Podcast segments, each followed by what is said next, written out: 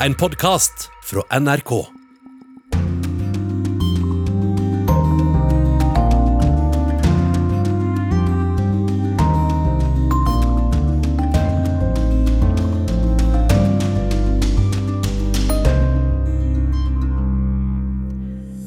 Flyalarmen har gått over mange byer i Ukraina i dag. Hvor lenge kan denne krigen vare, og finnes det en vei mot fred?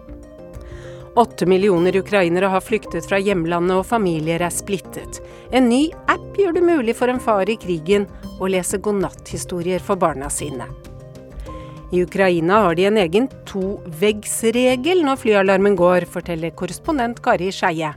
Hvis man ikke kan søke tilflukt, er anbefalinga å oppholde seg i en bygning der man er beskytta av minst to vegger. I leiligheten min er det i gangen og på badet. Ja, vel møtt til denne Urix-sendingen. Jeg heter Marit Kolberg.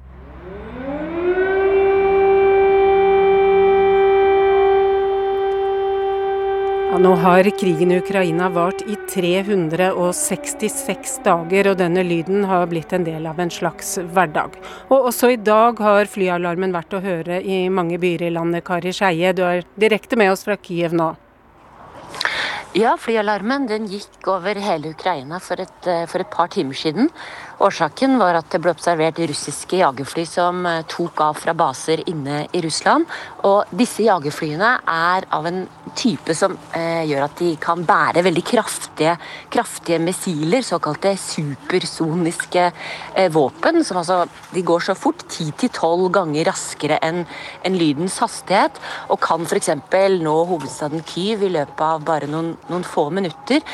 Så eh, disse missilene er så å si umulig for ukrainsk luftvern å skyte ned. Så når man observerer disse, russ, disse typene jagerfly i lufta, så går alarmen alltid over hele Ukraina.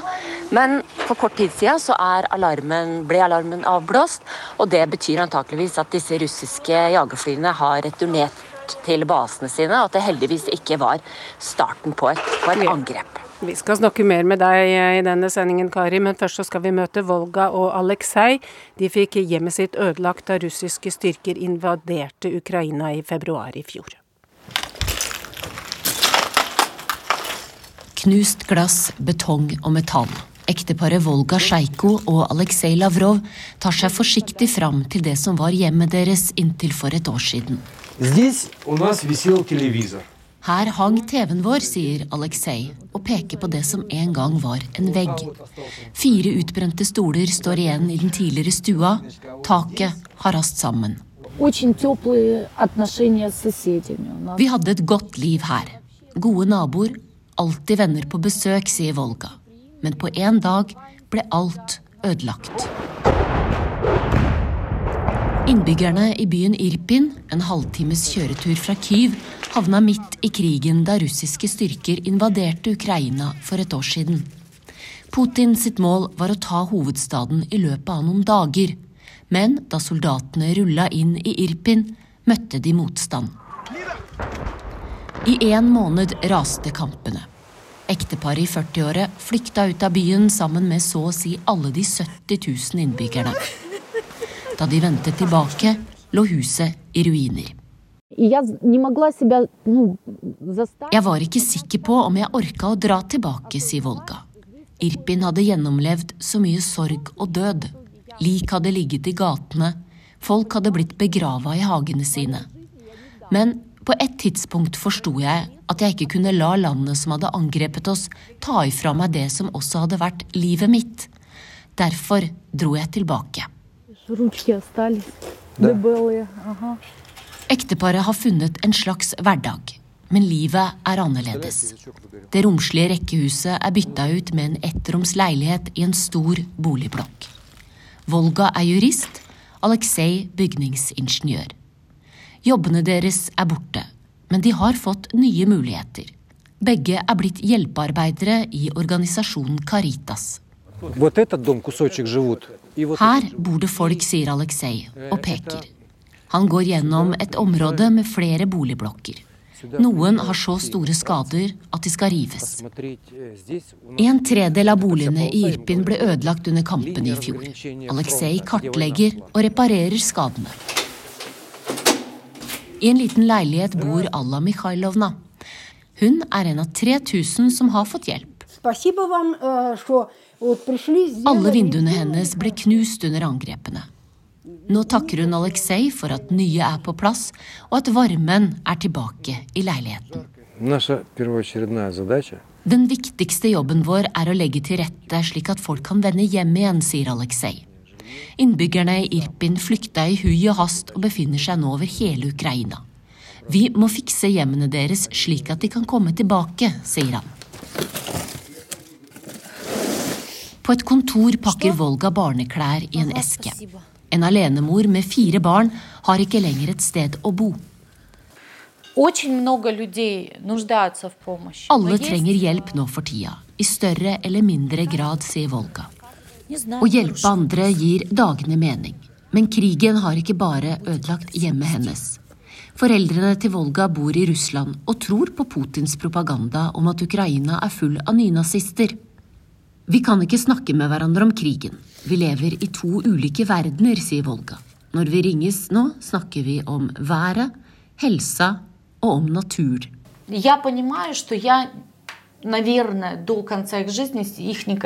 Volga tror ikke hun kommer til å se foreldrene sine igjen. Jeg vil aldri kunne sette beina mine på russisk jord igjen, og foreldrene mine er for gamle til å komme på besøk, sier hun.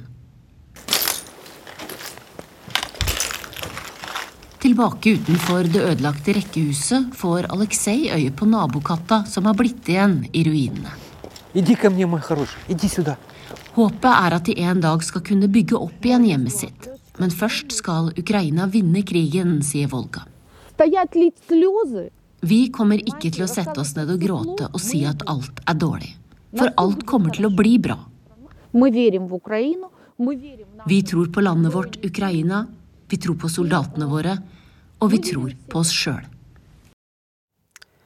Men i et år så har det altså vært krig, og da FNs sikkerhetsråd markerte årsdagen for invasjonen i Ukraina, så oppsummerte FNs generalsekretær situasjonen slik. Life is a living hell for the people of Ukraine.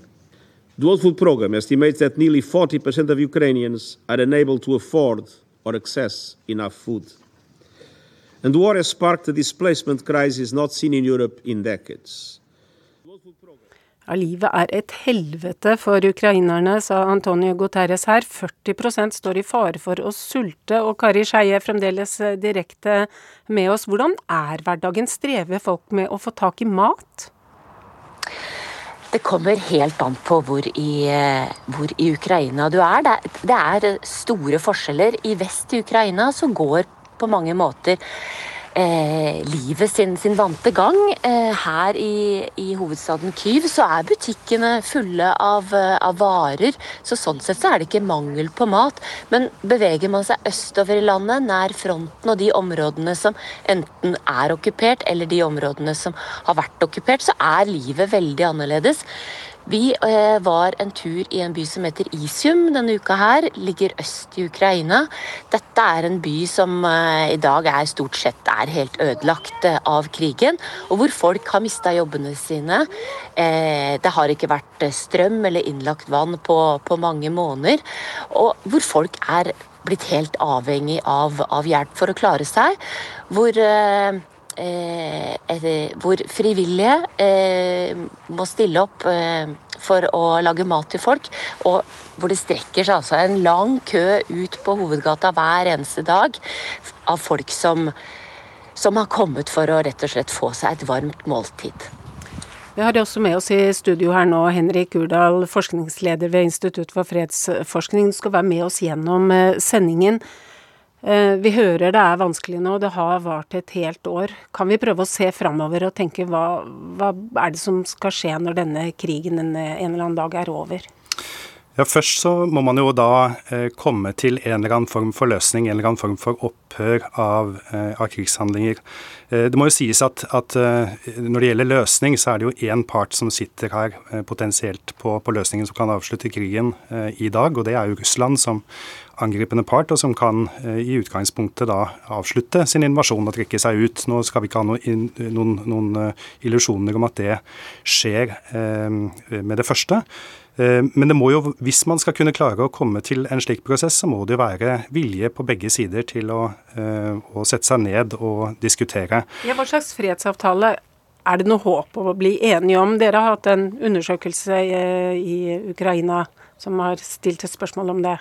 Ja, jeg tror nok at vi er et stykke unna, fordi at det forutsetter jo da at begge parter er villige til å, til å sette seg ned og snakke. Og slik som situasjonen er nå, med, med hvor Russland Eh, okkuperer et, veldig betydelig landareal i Ukraina, så eh, er det lite sannsynlig at ukrainerne skal være villige til å gjøre det. Vi så i den undersøkelsen som vi gjorde at det er mellom 75 og 80% av befolkningen som eh, ikke ønsker å eh, diskutere og være med på å avgi noe form for landareale, verken Krim eller, eller Donbas, eh, som en del av fredsforhandlingene. Dette har også vært veldig tydelig fra Zelenskyj og den politiske ledelsen i Ukraina. Så slik situasjonen er nå, så er jeg ikke veldig optimistisk med tanke på å skulle få til reelle fredsforhandlinger. Og så må vi samtidig da være klare for å kunne være, være tilretteleggere den dagen det foreligger en slik vilje. Og dette er vel et eh, inntrykk du kan bekrefte, Karin, når du snakker med folk i Ukraina, at eh, selv om krigen har vart et helt år, så har ikke krigstrøttheten gått utover kampviljen? Nei, folk begynner nok å bli slitne av denne krigen her, men det er fortsatt en stor kampvilje for å fortsette denne krigen her. For eh, ukrainerne er ikke interessert i å forhandle om, om, om noe fredsløsning i det hele tatt. Her, her handler det om én ting, og det er å vinne denne krigen. Og jo fortere den blir vunnet, jo bedre er det. Men det er ikke noen som det er i hvert fall ingen som bruker eh, eller gir uttrykk for at de er interessert i å bruke tid eller krefter på å komme til enighet med Russland om, om, noe, som, om noe, som, helst. Her handler det om at hver eneste russiske soldat skal forlate Ukraina, og at de områdene som i dag er kontrollert av Russland, skal tilbake på ukrainske hender. Før det skjer, så er man ikke interessert i å snakke om noe som helst, er mitt inntrykk. Og denne holdningen eh, blir støttet fra flere hold.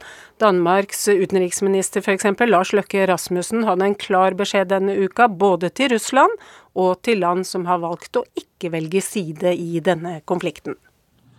As the late Archbishop Desmond Tutu said, if you are neutral in situations of injustice, you have chosen the side of the oppressor. The fact remains today as simple as one year ago. If Russia stops fighting, there will be no more war. If Ukraine stops fighting, there will be no more Ukraine. Ja, hvis Russland slutter å krige, er det slutten på krigen, og hvis Ukraina slutter å krige, er det slutten på Ukraina, hørte vi Lars Løkke Rasmussen si her. Og med oss nå Moskva-korrespondent eh, Gro Holm. Hva kan vi se for oss at eh, Putin og Russland kan tenkes å gjøre nå framover? Jeg tror det, vi vil se eh, mer av det samme. Eh, vi vil se sånn som det har vært i dag, så har det vært eh, flyalarm over hele Ukraina. Eh, muligens fordi et, et, jagerfly har kommet på vingene fra Russland. Men det, det, er på en måte et mønster, dette. At etter en eh, hovedtale fra Putin, eller etter en ukrainsk eh, vellykket offensiv handling, så, så kommer det et slags utropstegn, militært utropstegn fra Russland i form av kraftige luftangrep, eller i hvert fall ting som utløser flyalarmer. Men på bakken så eh, sier jo de fleste militære kommentatorer nå at mesteparten av de mobiliserte reservene fra i fjor høst, de er allerede eh, i Ukraina. Eh, de mangler, eller det er påfallende lite stridsvogner på en del av fronten i forhold til antall mobiliserte eh, soldater. Eh, og, og, og, de er jo fortsatt faktisk avhengig av denne leiesoldathæren til Wagner rundt rundt Bakhmut, ikke minst denne strategisk viktige eh, byen. Um, og det går sakte framover for russerne. Så det er vel ikke å vente at de skal ha noen store militære seier på bakken med det første. Og, og, så er det jo da viktig selvfølgelig hva ukrainerne velger å gjøre eh, militært sett. Eh, det er jo ventet at de også vil komme med en våroffensiv. Så lurer vi på, vi som jo står helt på utsiden her, er det bare Putin som bestemmer, eller er det andre som er sammen med han eh, når det gjelder å ta beslutninger? Det er et interessant spørsmål, og det virker som om Putin eh, ikke, ikke, utvider kretsen sin. Han er eh, stadig mer isolert, og det er interessant. Det sto en artikkel i, eh, i den solide avisen Financial Times her for to dager siden, hvor de skrev at utenriksminister Sergej Lavrov ble informert om krigen, denne siste fasen i krigen, faktisk klokka ett om natta den 24., altså da krigen startet bare noen noen timer seinere. Eh, og Lavrov skal dagen etter ha møtt, eh, eller senere på dagen, på formiddagen, ha møtt et knippe med oligarker i Kreml, og har sagt at eh, Putins rådgivere, det er Ivan den grusomme, Peter den store og Katarina den store. Underforstått at det er ikke mange han tar råd fra, og han lytter helst til sitt eget hode og noen få andre. En av dem er trolig lederen i Det nasjonale sikkerhetsrådet, Nikolai Patrusjev, som er en skikkelig ideologisk eh, hauk. Så sies det jo da, Henrik Urdal, at alle kriger ender ved forhandlingsbordet. Men er det alltid slik? Nei, eh, det er nok eh, ikke nødvendigvis slik. Og så må vi skille mellom våpenhviler og fredsavtaler. Men hvis vi ser på fredsavtaler, så er det Eh, hvis vi går tilbake igjen til 75, 1975, som er da vi har eh, det, eh, den perioden vi har data for, så er det bare rundt en tredjedel av konfliktene som avsluttes ved fredsavtaler. Og så er det jo ikke alle fredsavtaler som er stabile. Det er jo ikke sånn at de nødvendigvis skaper langsiktige løsninger, men veldig mange konflikter ender med å bli frosne. Kan, det, kan, vi se for oss at det er det som kommer til å skje her? At man blir hengende i en slags limbo hvor det er krigshandlinger innimellom, men ja. Det er, det er, selvfølgelig en mulighet. Uh, og, og, så vil det bli uh, det, det, vil være interessant å se hva som skjer med dynamikken i krigen nå som uh, Ukraina får nye stridsvogner. Men det er klart man skal ikke undervurdere den betydelige oppgaven det er å kaste Russland ut av Ukraina. Så man kan risikere at man vil få en, en, en konflikt som drar ut i, i, tid, og der man får perioder med aktiv krig og perioder med relativ frossen konflikt.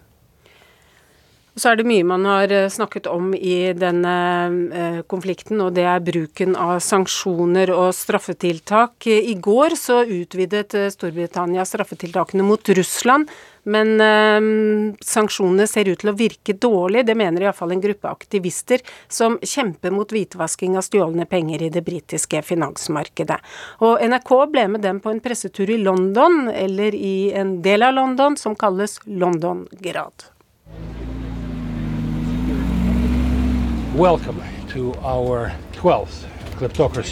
Vi er på den tolvte bussturen aktivistene arrangerer. En kjøretur forbi Londons dyreste eiendommer, eid av russiske forretningsmenn med antatt nære bånd til Putin.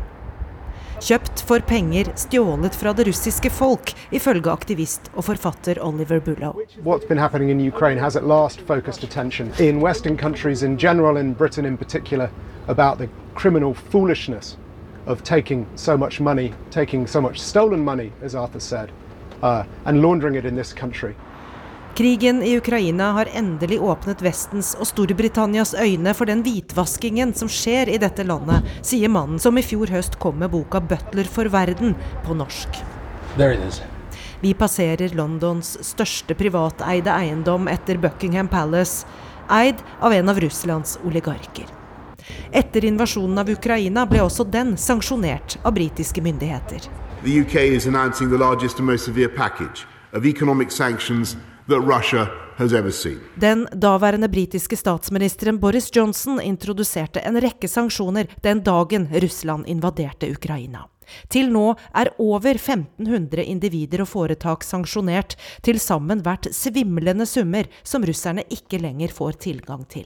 Midlene fryses, men russerne får likevel tak i noe penger, forteller Oliver Bullow. Well, you are still allowed to access your money.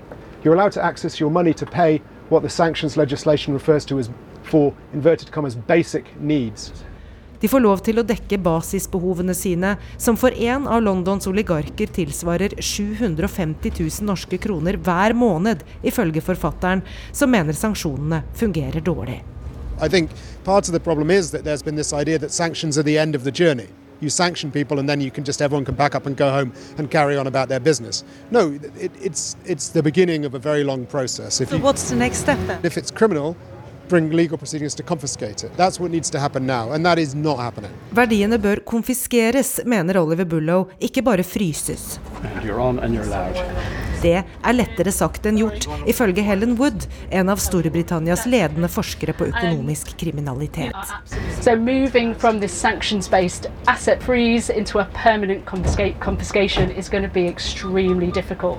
We simply do not have the evidence to go against these guys at all. Vi har rett og slett ikke bevis for at verdiene stammer fra kriminalitet, sier hun. Hun etterlyser en plan fra den britiske regjeringen for en bredere etterforsking av russiske personer og selskaper i Storbritannia. En talsmann for den britiske regjeringen skriver til NRK at sanksjonene mot Russland er de alvorligste som noen gang er ilagt en stor økonomi. Regjeringen vurderer også muligheten for å konfiskere russiske verdier permanent. Forfatter Oliver Bullow vet hvor han mener eventuelle konfiskerte verdier bør ende opp. I would like this money to be used to help the Ukrainians rebuild their country. The Russian government has destroyed it, so all the allies of the Russian government should be paying to rebuild it. Oliver Bullow vil altså ta fra de russiske oligarkene og gi pengene til gjenoppbygging av Ukraina. Det var Gry Blekastad Almås som hadde truffet han. Og med oss nå direkte fra Brussel, korrespondent Simen Ekern, for vi skal snakke mer om eh, straffetiltak. Nå har EU vedtatt pakke nummer ti. Hva inneholder den? Ja, det gjorde de i går kveld. Eh, litt før midnatt så ble de til slutt enige. Og, da snakker vi 11 milliarder euro eh, i verdier eh, av eksporter fra EU som ikke lenger skal komme inn til Russland. Og det handler om reservedeler til lastebiler og jetmotorer og antenner. Og det handler om forskjellige typer utstyr som kan brukes både til sivilt og militært eh, formål, elektronikk f.eks. Og så er det også eh, mennesker. Eh, igjen flere folk på listene. Russiske propagandamennesker, politikere, folk tilknyttet hæren. Og presiseres det folk som man mener står ansvarlige for å ha deportert og flyttet ukrainske barn med makt ut av Ukraina og inn i Russland. Og så blir det sagt og da holder vi oss i ditt område, at uh, denne krigen har uh, forandret verden, og da ikke minst Europa og de 27 EU-landene. På hvilken måte da? Nei, På veldig mange måter. Først og fremst jo fordi man innså at uh, det som hendte i Ukraina, det handlet ikke bare om Ukraina, men det handler om uh, Europas sikkerhet. Om hvordan hele uh, Europas sikkerhet er skrudd sammen. og Derfor så ga det mening og var reelt da når man sa Ukrainas kamp er Ukrainas kamp. Det er ment veldig konkret. Og så har vi jo sett voldsomme endringer både i hvordan Europa produserer og bruker energi, i bevilgningene til forsvars forsvarsbudsjettene, ikke minst eh, i Tyskland. Og, og, kanskje også i eh, raske avgjørelser om sanksjoner og om å ta imot flyktninger. På en hel rekke områder er Europa ganske annerledes i dag enn for et år siden. Hvordan ser du på dette, Henrik Urdal. Er dette en allianse man klarer å holde innad i Europa nå, eller ser man noe tegn til en splittelse her? Eh, først og fremst så, så var det jo en, eh, en, Den europeiske reaksjonen på krigen i Ukraina har jo skapt et europeisk samhold som var mye sterkere enn det eh, mange hadde forventet. Og noe av det hadde de vel allerede trent på litt, holdt på å si, under pandemien? Det er riktig. Det er riktig. Og så blir det jo spennende å se at, uh, om, om, denne, om, dette samholdet kommer til å stå seg, fordi at man vil få økte utfordringer uh, knyttet til uh, økte energipriser, knyttet til økte konsumvarepriser og økte renter. Og det vil komme et press mot de demokratiske institusjonene i Europa som følge av disse utfordringene, med mindre man klarer å, å finne gode løsninger på energi, på, på støtte Eh, på eh, tiltak som gjør det mulig for folk å, å leve relativt normalt. Eh, så er, det er en av de tingene som jeg tenker er ekstremt viktig for europeiske myndigheter å holde fokus på framover, hvordan man skal klare å skape inkludering. Hvilke land er det som da kanskje strever litt med å marsjere i takt her, Simen Ekern?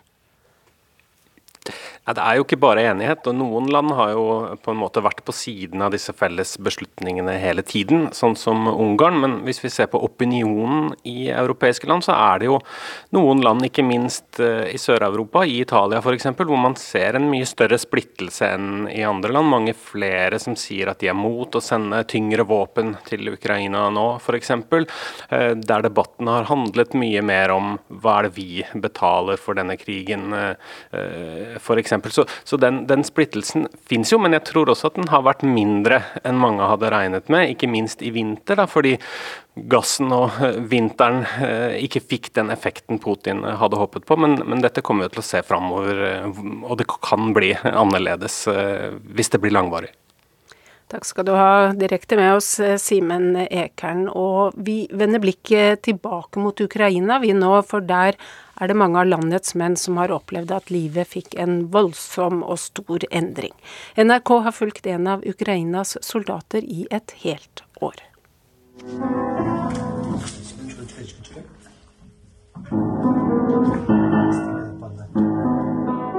Pianoet er ustemt og dekka av et tynt lag med støv. Rommet det står i, er en utbomba ruin. Og mannen som har satt seg ned, har hjelm og skuddsikker vest, kamuflasjeuniform og store hansker på seg.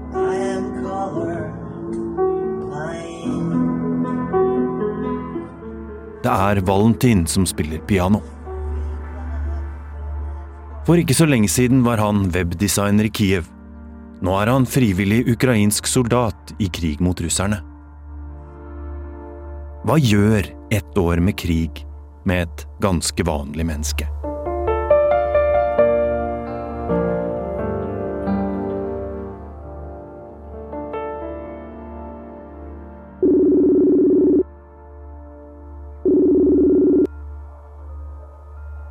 Hey, Anya. Hi, well, thank you for taking your time again. No worries, no worries. How, how was your day? Uh, long. I ett år har kollega Anja Strønen holdt kontakten med Valentin Iltsjuk i Ukraina. Hun har fulgt ham på sosiale medier, de har sendt hverandre meldinger, og de har ringt hverandre på videotelefon. Everybody's, everybody's alive, nobody's wounded, so that's, that's, that's already good news. Valentin han er én av eh, mange frivillige som har meldt seg for å kjempe i krigen i Ukraina. Men eh, han er ikke noe opprinnelig soldat. Han er eh, småbarnspappa. Han driver egentlig et vellykket webdesignfirma i Kiev. Han er 39 år og er lykkelig gift med kona Diana gjennom mange år.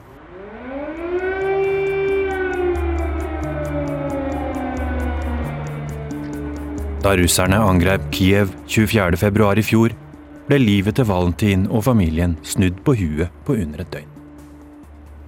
Så natt til 24. så kommer jo de første rakettene. Og de våkner opp av noen drønn. Og da skjønner de at nå er eh, de i gang. Så nå gjelder det bare å pakke sammen alle sakene sine å komme seg til hovedstaden, for det er der den store kampen kommer til å stå. Så var jo kona hans og datteren på seks år i det samme huset. De hadde også forberedt seg. De hadde pakket et par eh, sekker. Datteren hadde våknet av disse smellene og var redd. Og de satte umiddelbart kursen for utlandet, for de skjønte at her kan vi ikke være, her er det ikke trygt. Jeg husker første samtalen jeg hadde med han. Da var han, han var sånn Nesten er lov å si han var litt høy på seg selv. Han eh, er kjempehumør. Nå skal vi bare kjøre på. Nå skal vi inn til Kiev, og så skal vi kjempe. Og det var jo egentlig ingen som trodde at det kom til å bli noe krig, så dette går fort over, og vi har overtaket. Superentusiastisk. Og så snakka jeg med han i forrige uke. Og da sier han ja, vi kan sette på kamera, så vi kan se hverandre. Og da ble jeg litt overraska, for han hadde jo fortsatt det store smilet. Men det er en helt annen ro. Nå er, nå, nå er han ikke. Han er ikke høy på seg selv lenger. Han har fått skjegg i løpet av årets løp. Det er blitt uh, lengre og gråere. Han uh, har et blikk som jeg ser det er, uh, det er litt mer levd. Han har vært gjennom noe. How uh, has have you as a person? Yeah, I don't think so. Ah, maybe I became more humble. I guess so. Og så spurte jeg han om det at ja, hvordan, hvordan, Hva gjør det for å bevare humøret? It's like, you know, when when life around is shit and you're sad at the same time, you're not helping it. Ja. Ja, men hvis vi setter oss ned og griner og er lei oss, så har vi jo tapt allerede.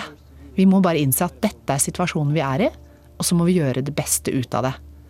You know, the fact that people see us smiling and not whining about how horrible everything is, uh, I guess it helps not only us, it helps people around as well. Og han er nok en optimistisk type. Eh, For det virker ikke noe tilgjort. Men det er jo ikke noe tvil om at når han legger ut veldig sånn positive bilder, eh, filmer at de i fullt krigsutstyr så ler de og fjoller de, så, så er jo det også for å motivere, som han sier, både de jeg er sammen med, og de som ser det, skal skjønne at det er håp. Vi kommer til å vinne. Og så var det dette pianoet, da. Nedstøva, utbomba og surtspillende. The place where it's taking place is a club, and this is basically the village where we spend almost eight months fighting. Han forteller at eh, de søker ly for eh, russerne i et nesten utbombet eh, hus. Og det var et sånn tidligere forsamlingslokale i en landsby. I dette lille kulturhuset så står det et piano som er sånn halvveis ødelagt. Og Valentin, som behersker jeg tror fire-fem instrumenter, og også liker å synge, han setter seg da ned sant? i full krigsmondur med hjelm og sånne tjukke, svære han hansker på seg,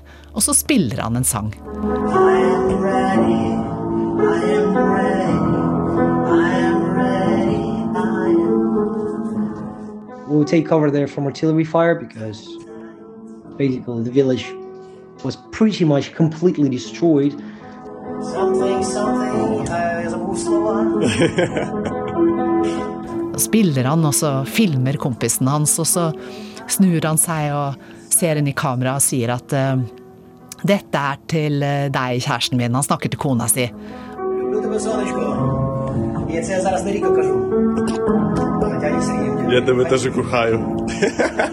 Så ler han som står ved siden av, og så sier Valentin ja, men det er ikke du som er min elskede. Så sier han kompisen ja, jeg elsker deg også.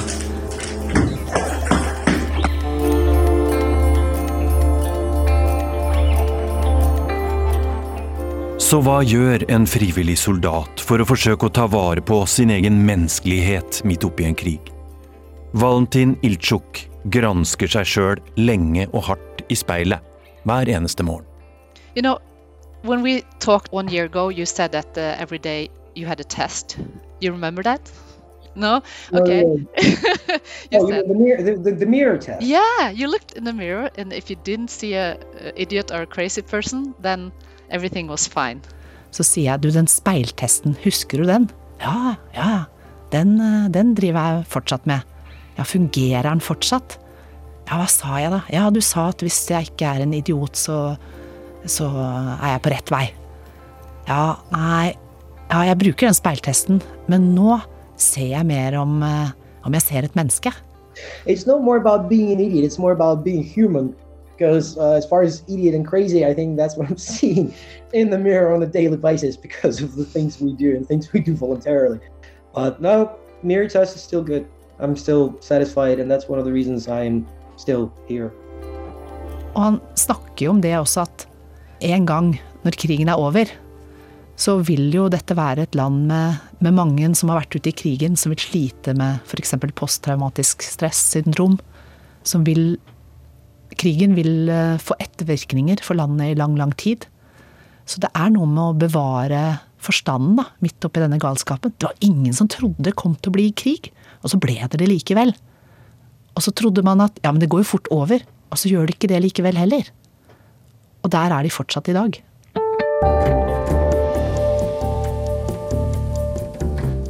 Hvordan ser Valentin på framtida nå, da? Etter ett år med krig? I'm not used to being without my family. Uh, I mean, despite the fact that I'm surrounded by my brothers and no, it's quite, it's not quite the same. I mean, I'm too old to be, you know, to, to nourish the romantic flowers. Oh my God, the front friendship and stuff like that. All I really want is to be with my family. So. Jeg spurte om uh, hva han uh, drømmer om. Og da sa han at det eneste jeg drømmer om, det er å være sammen med familien min. Det er det som er absolutt det viktigste for meg. Og framtida, det har han ikke så veldig mange tanker om. Han er fortsatt like tydelig på at de kommer til å vinne. Men så sier han at jeg tror ikke vi kommer til å vinne før eh, Russland faller innenfra. Før russerne skjønner at dette her er helt feil. Og det tror han ikke skjer med det første.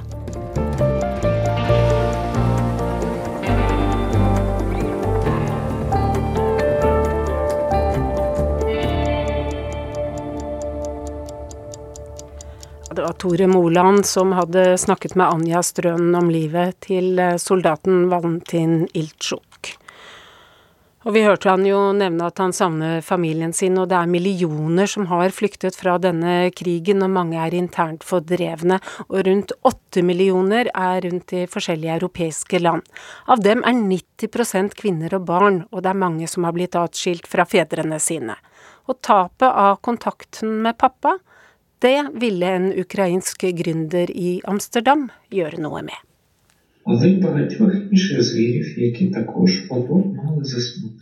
Da de gikk mot vinter, spurte bisonen de andre dyrene hvor de fant mat, leser pappaen til Martha og Misha. Lillesøster hviler hodet sitt på magen til storebror mens de hører på. Pappa er nesten 2000 km unna, men stemmen hans er nær. De to barna har flyktet fra krigen i hjemlandet og bor i tyske Langenfeld nord for Köln. Pappa bor i Butsja i Ukraina. Siden krigen startet for rundt et år siden, har flere millioner ukrainere flyktet fra landet. Rundt 90% av dem er kvinner og barn, viser anslag fra FN. When I just got these books, I, you know, I burst into really. Da vi fikk bøkene, begynte jeg å gråte, forteller Rita Bilan.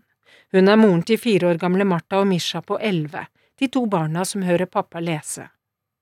And, they, and this uh, thing that it can be um, person, yeah, this is. Um, there, is, there are no words to describe it, you know.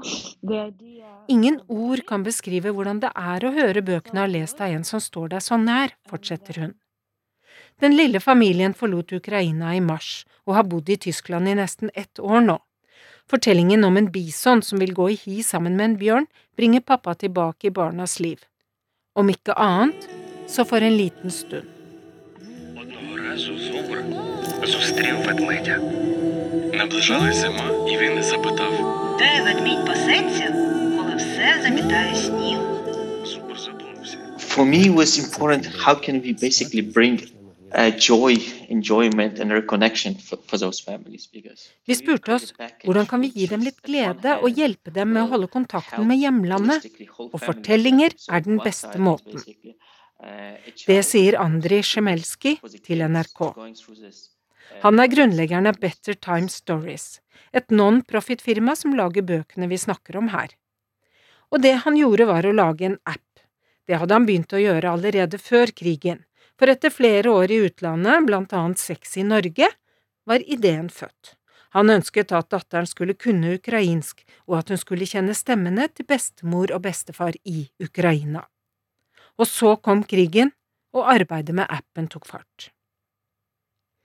Via den så kan pappa eller en annen nær venn eller slektning lese inn en fortelling. Lydfilen blir sendt tilbake til den unge flyktningen, og sammen med en fargerik bok er det fint å høre en kjent stemme. Одного разу зубр зустрів ведмедя. Наближалась зима, і він запитав: Historiene er beregnet på barn i alderen tre til sju år. Men bøkene gjør mer enn å trøste en liten som lengter hjem. For Andrij Sjemelskij er bosatt i Amsterdam nå, og vet at det kan være krevende for en liten tass å lære seg et helt nytt språk i et ukjent land. Så bøkene er skrevet på to språk, og sammen med lydfilen fra Ukraina kommer også et opptak der boken er lest inn på tysk eller nederlandsk. Dermed kan ukrainske barn som er bosatt i Tyskland, Østerrike, Belgia eller Nederland, lære språket i det landet de har havnet i. For bare i Tyskland er det registrert én million ukrainske flyktninger, og en tredel av dem er barn. Og en kjent stemme hjemmefra kan gjøre godt både for store og små. And the feeling is very very good when you are sitting with your children and listening to the book and the voice of your uh, my my husband you know and all it's like a feeling being all together Det gir en god følelse å sitte sammen med barna og høre stemmen til mannen min. Det føles som vi er sammen alle sammen da, sier Rita.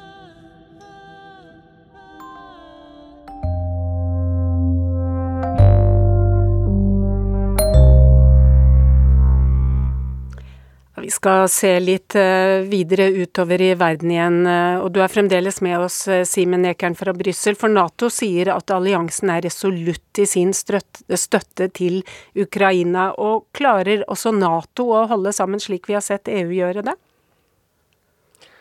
Ja, Mye tyder jo på det. Nato har også fått eh, en oppvåkning, blitt eh, en ganske annen organisasjon enn det det var for noen år siden, da den franske presidenten Emmanuel Macron kalte det for en hjernedød eh, forsamling. Nå er det jo ganske tydelig for de aller fleste Nato-medlemmene hva Nato eh, trengs til, eh, og, og, vi kommer nok til å se fram mot det store toppmøtet i sommer.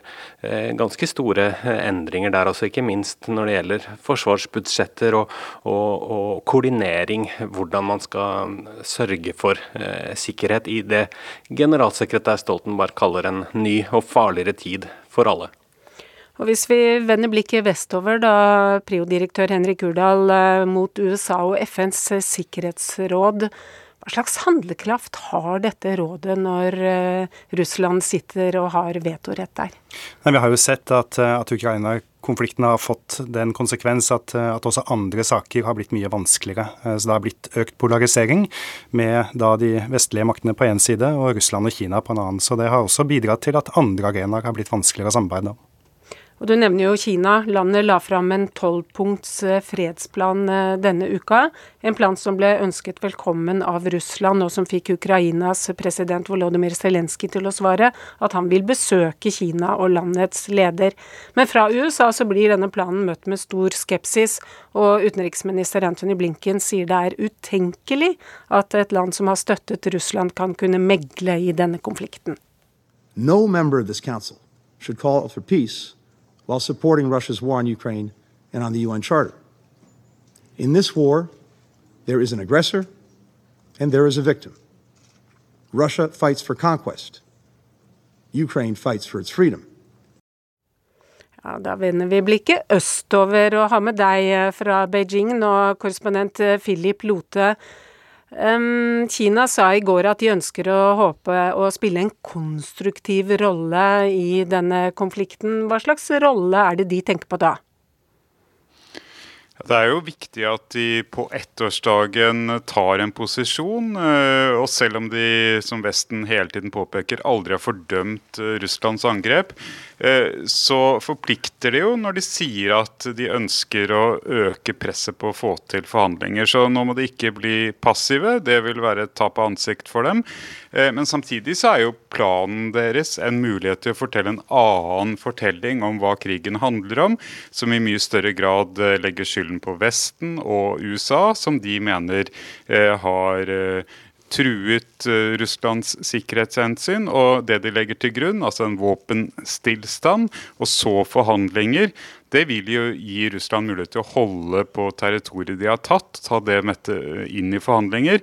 Uh, og det er jo ikke aktuelt for Ukraina. Men Ukraina har sagt at uh, hvis våpenstillstanden også Eh, er kombinert med at Russland trekker seg tilbake, så er jo dette straks interessant. og Det er derfor Zelinskyj har sagt at han vil eh, snakke med Xi Jinping. Så har jo Kina ingen illusjoner om at de kan få Russland til å trekke seg ut av Ukraina, eh, verken Donbas-området eller Krim.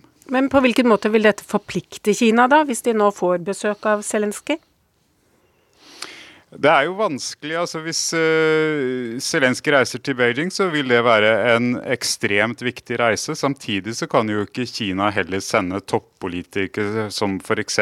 Wang Yi, som reiste rundt i Europa og også til Moskva, til Kiev uten videre. Det vil jo kanskje bli sett på som en støtteerklæring, for der har jo Biden vært, og alle mulige andre vestlige politikere. Så det er en vanskelig og krevende balansegang. Men det som er uh, viktig er at Kina uh, på mange måter sier at denne krigen er viktig også for oss, denne konflikten er viktig også for oss, og de skjønner at de må spille en rolle her. Henrik Urdal, hvis eh, Kina nå skal ha eh, en eller annen slags meglerrolle, så er det jo stor skepsis eh, til det, hører vi. Men hvem andre er det i så fall som kan påta seg en slik jobb? Jeg, tror ikke vi skal um, utelukke at Kina kan spille en rolle, uh, selv om de jo uh, har et strategisk partnerskap med, med Russland. Men uh, det er også andre makter som, som, jo har gode kontakter begge veier, som kan spille en rolle. Det Ikke minst Tyrkia, som jo har bidratt til å framforhandle avtalen om, om transport gjennom Svartehavet. Det kan være et land som Israel, som tidlig meldte seg som en mulig mekler. Og så er det initiativer nå også blant vestlige land. Tyskland, Storbritannia, Frankrike. Eh, sånn at, eh, at, det er en lang rekke land som i hvert fall er villige til å, å, stille seg til rådighet. og Jeg tror det er viktig å ikke avvise muligheten for at Kina også kan ha en rolle i det, selv med de begrensningene som, eh, som det har. Hva er veien fram mot en slik mekling? Må man ha et rettsoppgjør f.eks. For, for å nå fram? Liksom, hvordan, hvordan foregår slike prosesser? Eh, nei, det, man behøver ikke ha et rettsoppgjør, men vi vet jo allerede at det pågår eh, en, eh, en, pågående under, eh, en etterforskning eh, ledet av Den internasjonale straffedomstolen. Så det vil være en prosess som, som, går på siden av dette. Og det kan jo til og med allerede foreligge eh, hemmelige siktelser, f.eks. Eh, og så vil sporet rundt fredsforhandlinger vil jo da igjen være avhengig av at partene er kommet til det punktet at, det er, at, de tenker at det er noe å forhandle om. igjen, jeg tror det er vanskelig å se for seg at det er helt Eh, nærstående i tid. Men det er så langt fram dit. Det er så store ødeleggelser eh, i Ukraina også. F.eks. så kom det jo en rapport fra Kyivs handelshøyskole denne uka om at det er gjort skader for 138 milliarder dollar. 1400 milliarder norske kroner. Vil sånne ting eh, være en del av en, en, slik prosess også? Ja, det vil det. Og, det er jo store både menneskelige og materielle ødeleggelser. Vi, vi har et estimat på rundt 8000 sivile som er drept. Hvor mange militære som er drept, vet vi ikke. Og det er skader. Det har vært betydelig grad av seksuell vold som har vært brukt av, av russiske soldater og, og leiesoldater. Sånn at det er eh, et enormt behov for gjenoppbygging. Eh, og der er det viktig at man også har et blikk mot hva Norge og andre land kan gjøre for å være med å gjenoppbygge Ukraina. Hvor, eh, hva slags tidsskjema tenker du framover? Nå har vi sendinger ett år, eh, har krigen vart. Må vi vente at den varer to, tre, fire hva tenker du? Det er forferdelig vanskelig å si. Uh, og, og jeg, uh, jeg, er ikke av de som er mest optimistiske med tanke på å få til en, en uh, militærløsning kort tid fram i tid. Vi har en rekke eksempler på konflikter som jo har da blitt værende frosne over mange tiår. Og så kan vi jo håpe at det vil være mulig å få en løsning på, på, en mye kortere horisont enn det. Men, men at det er krevende tidsmessig, det er det ikke noen tvil om. Da sier vi takk til deg, Henrik Urdal, direktør ved Institutt for fredsforskning, som har vært med oss gjennom denne sendingen. Og takk til Filik Blote og våre andre kolleger ute i verden. Og som vanlig så runder vi av denne sendingen med å ta fram korrespondentbrevet som er sendt oss fra Kyiv denne uka. For som vi har hørt, i Ukraina går flyalarmen ofte, og noen ganger flere ganger om dagen. Men fra å føle sterk uro og få litt sånn småpanikk, så har vår korrespondent Kari Skeie nesten vent seg til denne ulende sirenen. Onsdag morgen denne uka. Fotograf Gunnar Bratthammer og jeg sluttfører arbeidet med en reportasje på hotellet vi bor på i byen Kharkiv. Tre dager reportasjetur nordøst i Ukraina er over, og vi skal kjøre tilbake til hovedstaden Kyiv. Hører du, sier Gunnar. Nå går flyalarmen. Vi stopper opp og lytter. Sirenen kommer i støt. Jeg finner fram mobilen og åpner appen som også varsler om flyalarm. Kartet over Ukraina blinker rødt. Alarmen har gått i hele landet. Hadde dette skjedd for tre uker siden, hadde jeg følt et sterkt ubehag. Jeg hadde antagelig gått ned til resepsjonen og fulgt skiltinga til hotellets bomberom. I stedet fortsetter Gunnar og jeg å jobbe. Hva gjør du når flyalarmen går? Dette spørsmålet har jeg stilt så å si alle ukrainere jeg har møtt siden jeg kom hit i begynnelsen av februar. Nå bor jeg i et land i krig, med jevne mellomrom sender Russland raketter og droner inn mot byer over hele Ukraina. Beskjeden fra myndighetene er krystallklar. Flyalarmer skal ikke ignoreres. Søk dekning. Men hva svarer ukrainerne meg? Så å si alle jeg spør, sier at de sjelden går i tilfluktsrom. Sist uke intervjua vi et ektepar som sto foran det utbomba hjemmet deres. Plutselig gikk flyalarmen. Hva gjør vi nå, spurte jeg. Kvinnen fant fram mobilen. På sosiale medier kunne hun lese at en russisk overvåkingsdrone var observert. Ingen raketter, altså. Det var bare å fortsette intervjuet. For et par uker siden våkna jeg midt på natta. Av flyalarmen. Klokka viste fire. Et mulig rakettangrep kunne jeg lese på sosiale medier. Jeg kledde på meg og stilte meg i gangen. I Ukraina er det noe som heter toveggsregelen. Hvis man ikke kan søke tilflukt, er anbefalinga å oppholde seg i en bygning der man er beskytta av minst to vegger. I leiligheten min er det i gangen og på badet. Jeg var usikker på om jeg burde gå ned i kjelleren i bygården eller ut i nattemørket og videre til et skikkelig bomberom. Jeg stilte meg ved døra for å høre om naboene var på vei ut. Ingen lyder. I løpet av en liten halvtime kom meldinga om at faren var over. Men noen timer seinere ulte sirenene på nytt. Jeg fant igjen fra mobilen og åpna meldingstjenesten Telegram. Her finnes et utall kanaler som legger ut korte meldinger om siste nytt. Nå var det et større alvor. Raketter hadde slått ned i fylkene Kharkiv i nord og i Zaporizjzja i sørøst.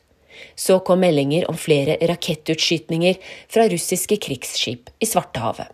Guvernører i flere fylker meldte om raketter som var på vei i deres retning. En kanal som har spesialisert seg på å følge med på militær aktivitet i Belarus, meldte at flere russiske jagerfly hadde letta fra baser der. Et lite ubehag begynte å feste seg i magen. Var det alvor nå? Jeg titta ut av vinduet. Nede på gata kunne jeg se at morgenrushet var i gang. Biler kjørte opp og ned gata mi. Folk spaserte rolig. Jeg bestemte meg likevel for å gå til et skikkelig bomberom. Jeg fant fram vinterjakka, småløp ned trappene og satte kursen mot nærmeste metrostasjon. På veien passerte jeg folk som overhodet ikke så ut til å ta situasjonen særlig alvorlig. Den eneste som sendte bekymra blikk opp mot himmelen, var meg. Da jeg kom meg under jorda, ble jeg både litt overraska og letta. Her var det i hvert fall et par hundre mennesker som hadde vurdert situasjonen som meg. Langs veggene sto folk tett i tett og stirra ned i mobiltelefonene sine. Noen hadde med seg klappstoler og spilte kort. Andre hadde funnet fram et sitteunderlag. Jeg stilte meg opp langs en vegg og begynte å sjekke telegramkanalene på nytt. Her fikk jeg vite at flere raketter hadde blitt skutt ned av ukrainsk luftvern. Men raketter var også på vei i retning mot Kyiv. Ved siden av meg sto et godt voksent ektepar med hver sin telefon. Er det alvor nå? spurte jeg. Kvinnen trakk på skuldrene. Det blir en sånn dag der vi ikke får gjort så mye. Dette skjer med ti til tolv dagers mellomrom. Vi er blitt vant til dette, kunne hun fortelle. Hvilke telegramkanaler bør jeg følge for å få best informasjon, spurte jeg. Kvinnen pekte på mobilen sin og fortalte om en kanal der man kan følge retningen til rakettene, og dermed lettere avgjøre hva som er lurt å gjøre. Meldingene var likevel ikke verre enn at mannen hennes gikk opp på gata for å ta seg en røyk. Da han kom tilbake, kunne han fortelle at han hadde hørt tre eksplosjoner. Oi, det høres ikke bra ut, sa jeg. Ingen fare, langt unna, sa han. Det gikk bra denne formiddagen. Etter et par timer var faren over. Men noen ganger er det alvor. I byen Dnipro gikk det skikkelig galt i januar. Over 40 personer ble drept da en russisk rakett traff en boligblokk. Slike angrep har også gang på gang slått ut vann og strømforsyning til millioner av ukrainere. Naboen min Katja synes flyalarmene er skumle. Da Russland i fjor prøvde å innta Kyiv, bodde hun, ektemannen og den fem år gamle dattera deres i utkanten av hovedstaden. Lyden av raketter, bomber og skyting sitter fortsatt i kroppen, sier hun. Jeg får ofte melding fra Katja når alarmen har gått. Hun lurer på om jeg befinner meg i sikkerhet, og skriver at jeg ikke må være redd. Når flyalarmen går, stenger butikkene, og bussene slutter å gå. Bilder fra sosiale medier viser skoleklasser som fortsetter undervisninga i tilfluktsrom. Ukrainerne prøver så godt de kan å få hverdagen til å henge sammen. Det har sikkert gått et tjuetalls flyalarmer siden jeg kom. På det meste har det vært fem i løpet av ett døgn. To ganger har jeg tatt turen til et bomberom. Skulle jeg søkt tilflukt hver gang, hadde ikke hverdagen hengt sammen. Tilbake til onsdagen denne uka. Fotograf Gunnar og jeg fortsatte altså å jobbe, sjøl om flyalarmen hadde gått i byen Kharkiv. Da vi kort tid etter sjekka ut av hotellet, spurte jeg de to damene i resepsjonen om det var grunn til bekymring. Den ene kvinnen slo ut med armene og sa Se på oss, sånn har det vært i et år. Vi er i live, alt kommer til å gå bra. God tur til Kyiv, og kjør forsiktig. Sa korrespondent Kari Skeie. Da gjenstår det å si at teknisk ansvarlig for denne sendingen var Eli Kyrkjebø, produsent Ulf Tannes Fjell, og jeg her i studio heter Marit Kolberg.